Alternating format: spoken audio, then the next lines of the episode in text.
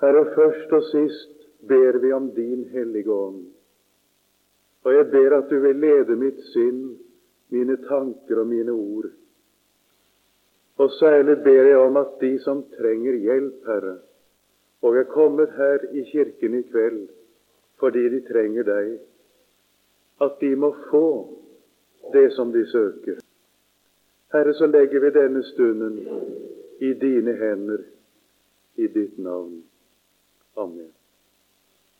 Jeg skal lese fra Galaterbrevets annet kapittel, fra det 19. vers, i Jesu navn.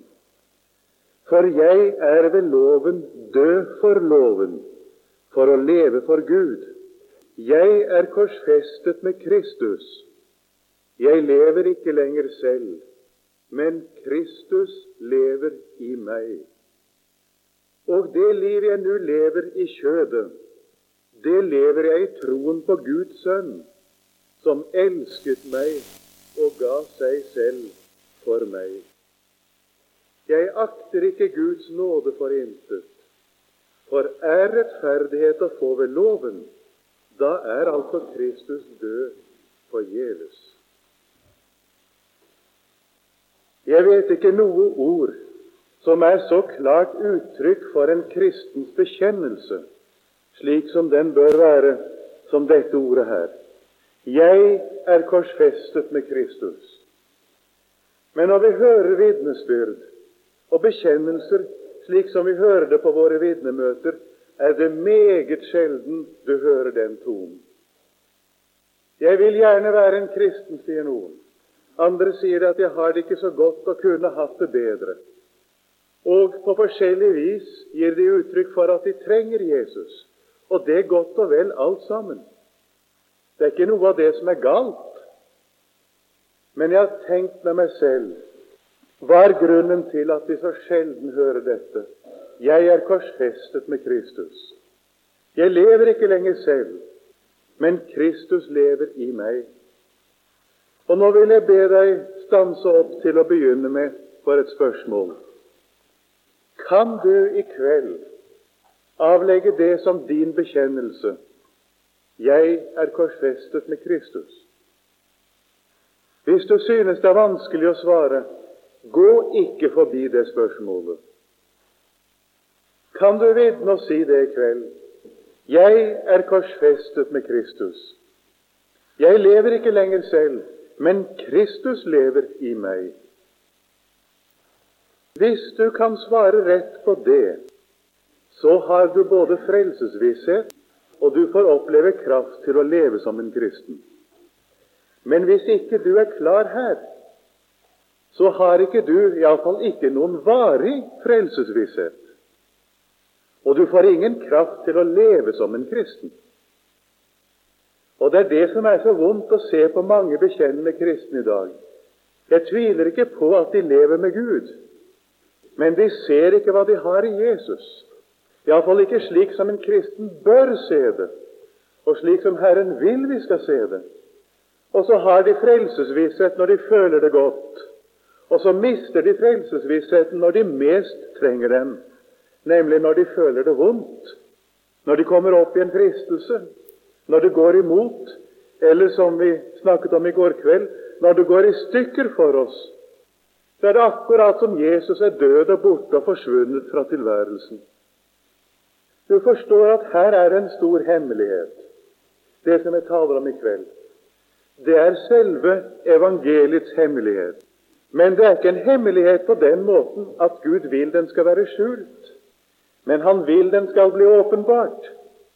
Han vil ved sin ånd gjøre den klar for oss.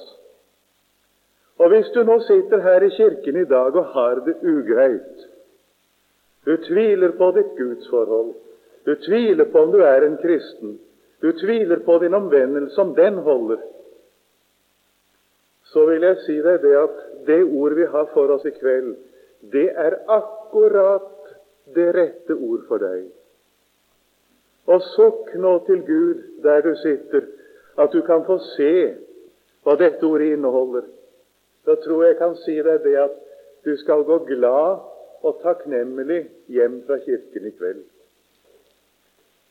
for å få lys over hva dette ordet egentlig betyr, hva det er for et budskap som ligger bakom her, så la meg ta utgangspunkt i noe som du tenker, som ikke tør vitne om at du er korsfestet med Kristus.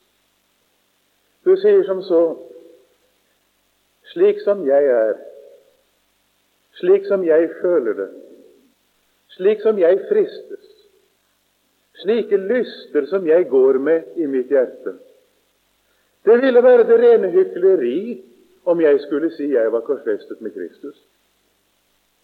Om jeg skulle begynne å vitne og si jeg lever ikke lenger selv, men Kristus lever i meg. Det ville være det rene hykleri. I dag, f.eks., har jeg kjent at jeg har ikke hatt lyst til å lese i Bibelen. Jeg har ikke hatt lyst til å be til Gud som jeg skulle. Jeg har kjent lyst til sånne ting som jeg vet er synd. Hvordan skulle jeg da kunne si 'Jeg er korsfestet med Kristus'? Ja, det er nettopp det, du, som er spørsmålet. Hvordan tror du apostelen Paulus følte det med seg selv?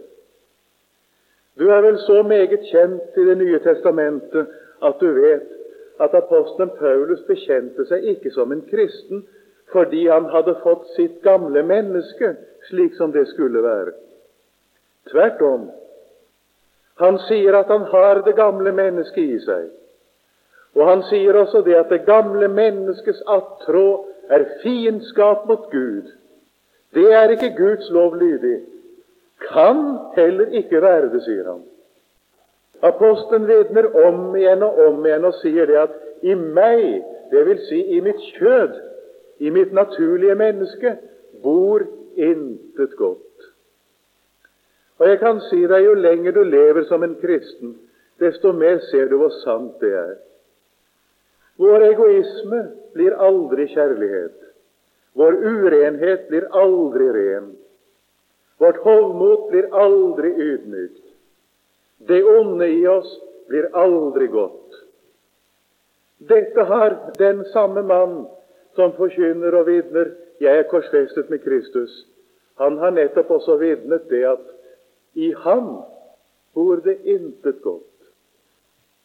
Tror du ikke Paulus også visste hva det ville si å kjenne ulyst til Gud? Når vi bærer på et gammelt menneske du, i oss som er fiendtlig innstillet mot Gud, hvordan skulle vi kunne unngå å kjenne ulyst til å be? Ulyst til ordet. Du kan ha det så godt om kvelden når du legger deg, og neste morgen er du så tørr og så tom og kold og død. Er det å undre seg på det? Du kan være sikker på at apostelen Paulus visste godt om hva det ville si å føle disse ting. Og Jesus er ikke interessert i å ta syndefølelsen bort ifra oss. Han er tvert om interessert i at vi skal føle synden som synd, at vi skal se uretten som urett, og at vi skal se sant på oss selv. Ikke sant? Hva mener han da når han sier 'Jeg er korsfestet med Kristus'? Jo, hør. Én er død for alle. Derfor er de alle døde i Guds øyne. Jeg har fortalt dere før her på Leirvik om da den tysk-franske krig brøt ut og alle tyskere rundt om i verden ble kalt hjem til Tyskland for å sendes til fronten. Noen dager etterpå møtte en londoner en av sine tyske venner på gaten. 'Er du her?' sier londoneren. 'Ja', sier tyskeren. 'Jeg er død'. 'Er du død', sa han. Ja, svarte tyskeren. Jeg fikk lov å sende en stedfortreder, og siden den stund anser den tyske staten meg som død. Det er det ordet forkynner oss. Gud har sendt en stedfortreder. Og siden den stund anser han oss å være korsfestet med Kristus, og ber oss om å anse oss selv for å være det samme. Du kan lese mer om det i Romerne 6, og jeg vil virkelig be dere om å gjøre det i kveld før dere legger dere. Les Romerne 6, 1-11. Der står det det i vers 6, Romerne 6, 6.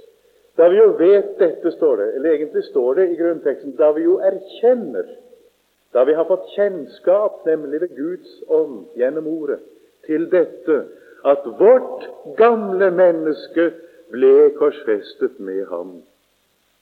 For at syndelegemet skulle bli til intet, dvs. Si, miste sin makt over oss, bli uvirksomt, står det egentlig.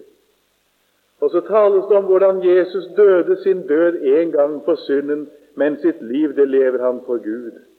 Og så kommer det i vers 11. Således skal også I akte eder som døde for synden, men levende for Gud, i Kristus Jesus. Da Jesus døde på Golgata, da døde du i Guds øyne. Da kom det en stedfortreder for at Gud ikke lenger skulle regne med deg slik som du er i deg selv. Hvis du vil ha et annet ord til å kaste lys over det fra en annen side, så se i Kolossebrevets tredje kapittel. Der står det først tale om det er i det oppreist med Kristus, da søk det som er der oppe, står det. Der Kristus sitter ved Guds høyre hånd. Jeg vet ikke om du har fattet meningen med det ordet. Vil du vite hva du har å regne med som kristen, du som tror på Jesus, så tenk på og se på Han som sitter ved Guds høyre hånd. For det Han er, det er nemlig du i Guds øyne. Det som Han gjelder for, det gjelder du for overfor Gud. Søk det som er der oppe, står det. Der Kristus sitter ved Guds høyre hånd. La ikke eders hus stå til det som er på jorden.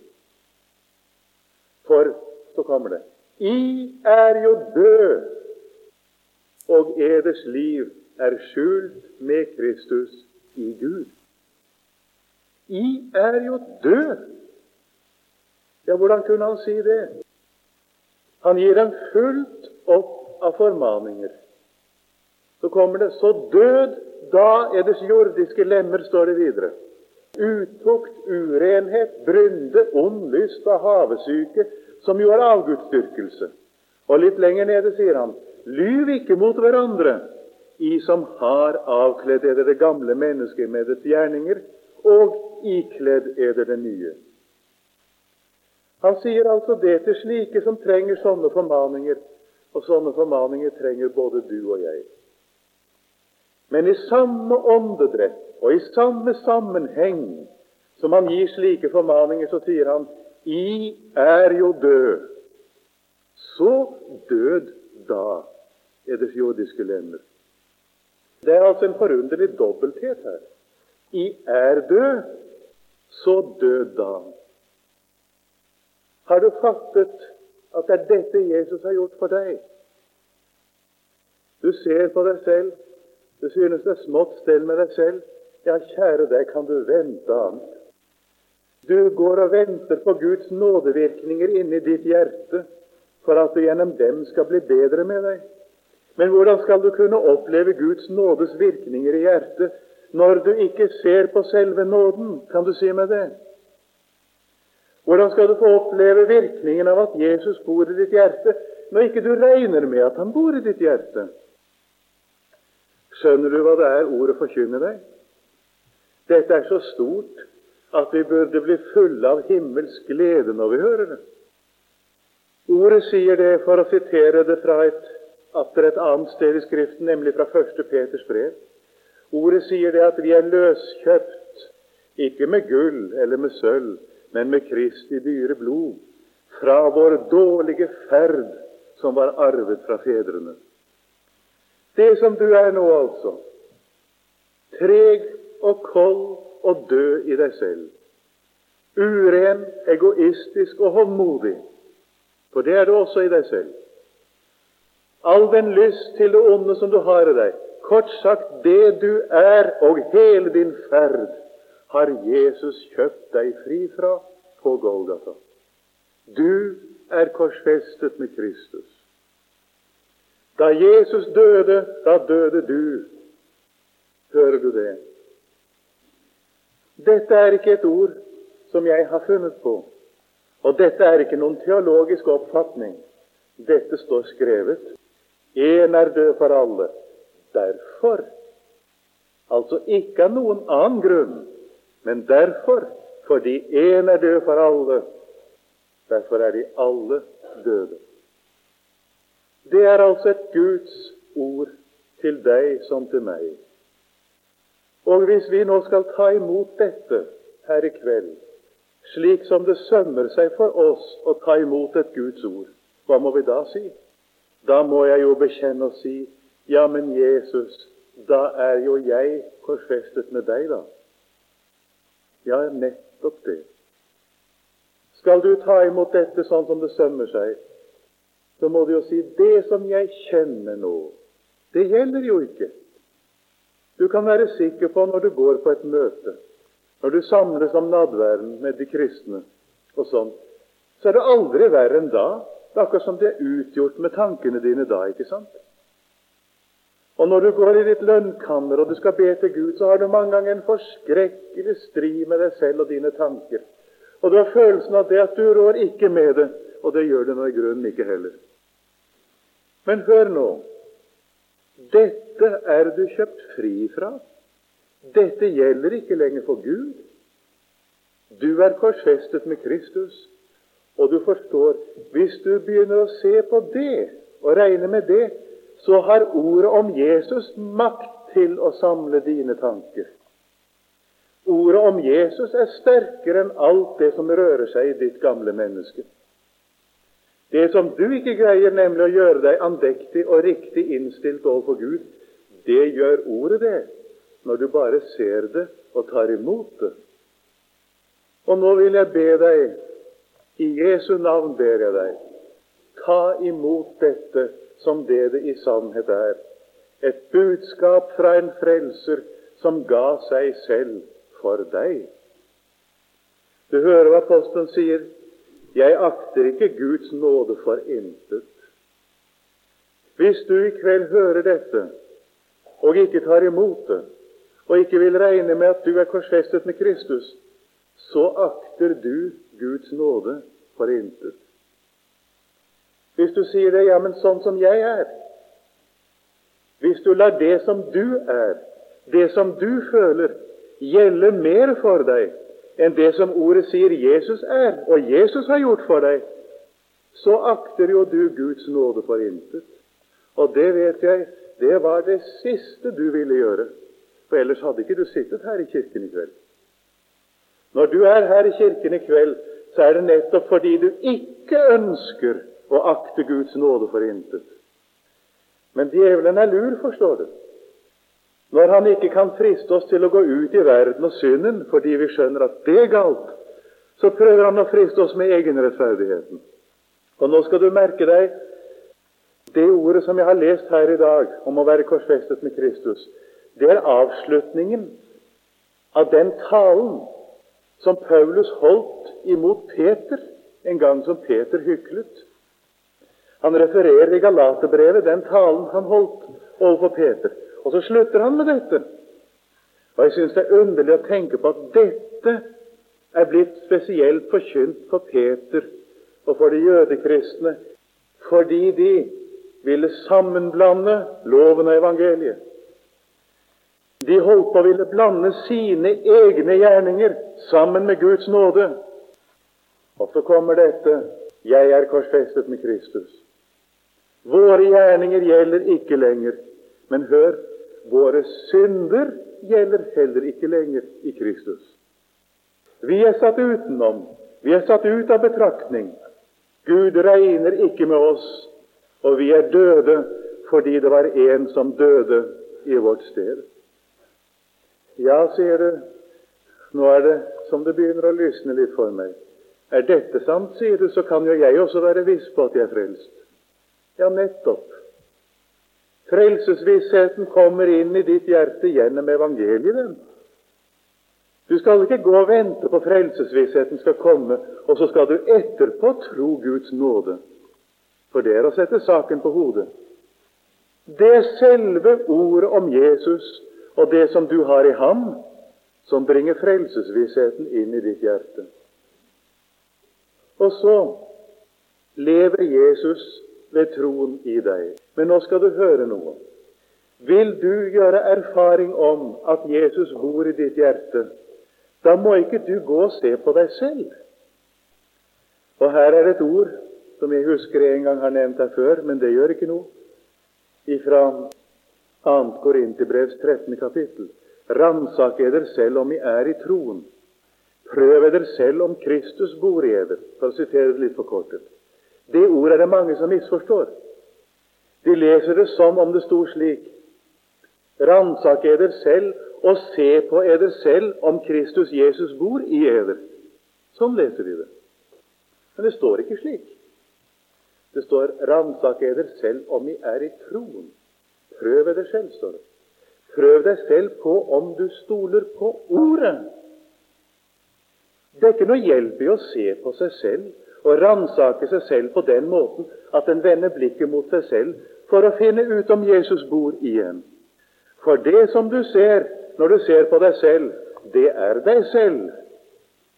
Og så kjenner du og føler du alt det onde, og så blir du tatt til fange av deg selv og ditt gamle menneske. Og så lider du nederlag. Ransak deg selv om du er i troen, og nå vil jeg be deg gjøre det.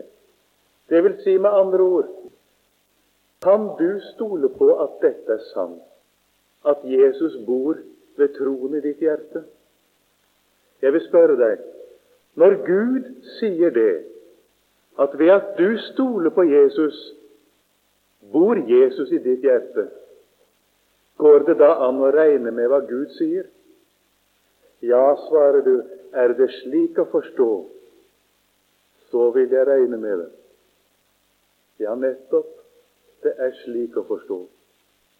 Jeg lever ikke lenger selv, sier apostelen, men Kristus lever i meg. Det kommer av at han ikke akter Guds nåde for intet. Er rettferdighet å få ved loven, sier han, da er Kristus død forgjeves. Hvis det kom an på noe jeg kunne være, eller noe jeg kunne gjøre, eller hvis det skulle komme an på noe som Gud først måtte virke i meg, ja, da var Kristus død forgjeves. Men nå er det ikke det. Jeg er ved loven død for loven.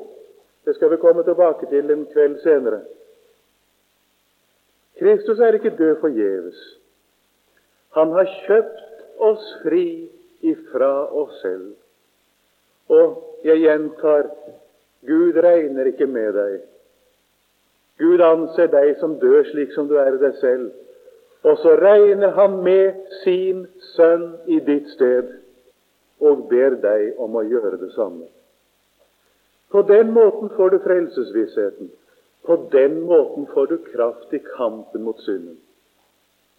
Når du kjenner at fristelsen kommer, skal du ikke si som så at 'Ja, Herre, nå må du gi meg kraft og seire'. Du får ikke seier på den måten. Om du ber til Gud og sier 'Jeg kan ikke noe ved egen kraft', nå må du gi meg kraft og seire. Det hjelper ingenting. Nei, nå skal du høre. Det som du fristes til, det har Jesus seiret over for deg i ditt sted. Den synd som ikke er død i deg ennå, den har Jesus kjøpt deg fri fra. Og så ber han deg om å regne med det i fristelsens stund. Du skal bruke dette ordet om Jesus imot dine fristelser. Ikke gå og vente på kraft. Og så skal du få oppleve at det ordet om Jesus, det er sterkere enn fristelsen. Og det gjør at fristelsen får ikke makt over deg. Du kommer til å seire. Du kan komme til å seire ved dette ordet der hvor du aldri i ditt liv ennå har seiret. Ved å bruke dette ordet imot fristelsen. Og så etterpå kommer kraften. Ved at du bruker evangeliet, og det løser deg fra syndens makt, det gjør at du opplever hva det vil si å styrkes med kraft ved Hans ånd i ditt innvortes menneske. Men du skal ikke gå og vente på kraft og etterpå tro.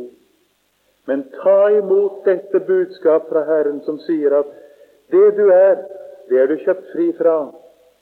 Og det du skulle ha vært, men ikke er, det har du fått i Jesus. Du er korsfestet med Kristus. Og ved det så lever ikke du lenger selv. Selv om det gamle mennesket er i deg, så lever ikke du allikevel i Guds øyne. Men Kristus lever i deg. Og så føyer apostelen til, fordi han vil ikke bli misforstått, det liv som jeg nå lever i kjødet, sier han. Det vil si, det liv som jeg nå lever som menneske her i verden, det lever jeg i troen på Guds sønn, som elsket meg og ga seg selv for meg. Jeg sier ikke for meget at hvis du som ikke har prøvd dette før, tar dette ord til deg i kveld her i kirken og begynner å leve ditt liv i tillit til Jesus Jeg sier ikke for meget når jeg sier at da begynner en helt ny fase i ditt liv. Det blir nok kampfullt, og du skal nok få oppleve hva det er å ha strid mellom kjød og ånd. Men du kommer inn på en vei som Herren har bedt deg om å gå på. Og du har det løftet at Jesus bor ved troen i ditt hjerte. Det var budskapet som hadde fått å bære frem her i kveld. Og så ønsker jeg til Gud at det ikke skulle kunne sies om noen av oss at vi akter Guds nåde for intet, men at vi kunne begynne å vitne og bekjenne, selv om det er litt stammende vi må gjøre det. Jeg er korsfestet med Kristus. Jeg lever ikke lenger selv, men Kristus lever i meg. Og det livet jeg nå lever i kjødet, det lever jeg i troen på Guds sønn, som elsket meg og ga seg selv for meg. Amen. Så vil jeg takke deg, Jesus, for dette ordet. Jeg takker deg for din hellige ånd, som gjør det mulig for oss å forkynne dette og høre dette. Og så ber jeg deg, Herre, at du vil legge det inn i oss. At vi må få nåde til å følge det og tro det og leve i det. Så skal du ha takk for denne stund, og så ber vi om fortsatt din nåde over oss når vi skal samles til møter. Jeg ber deg særlig, Herre, for alle som har det vondt, at du kunne få hjelpe dem. Jeg ber for dem som er syke og nedfor, at du vil styrke dem. Herre, jeg ber for alle som vitner om deg fordi de tror på deg.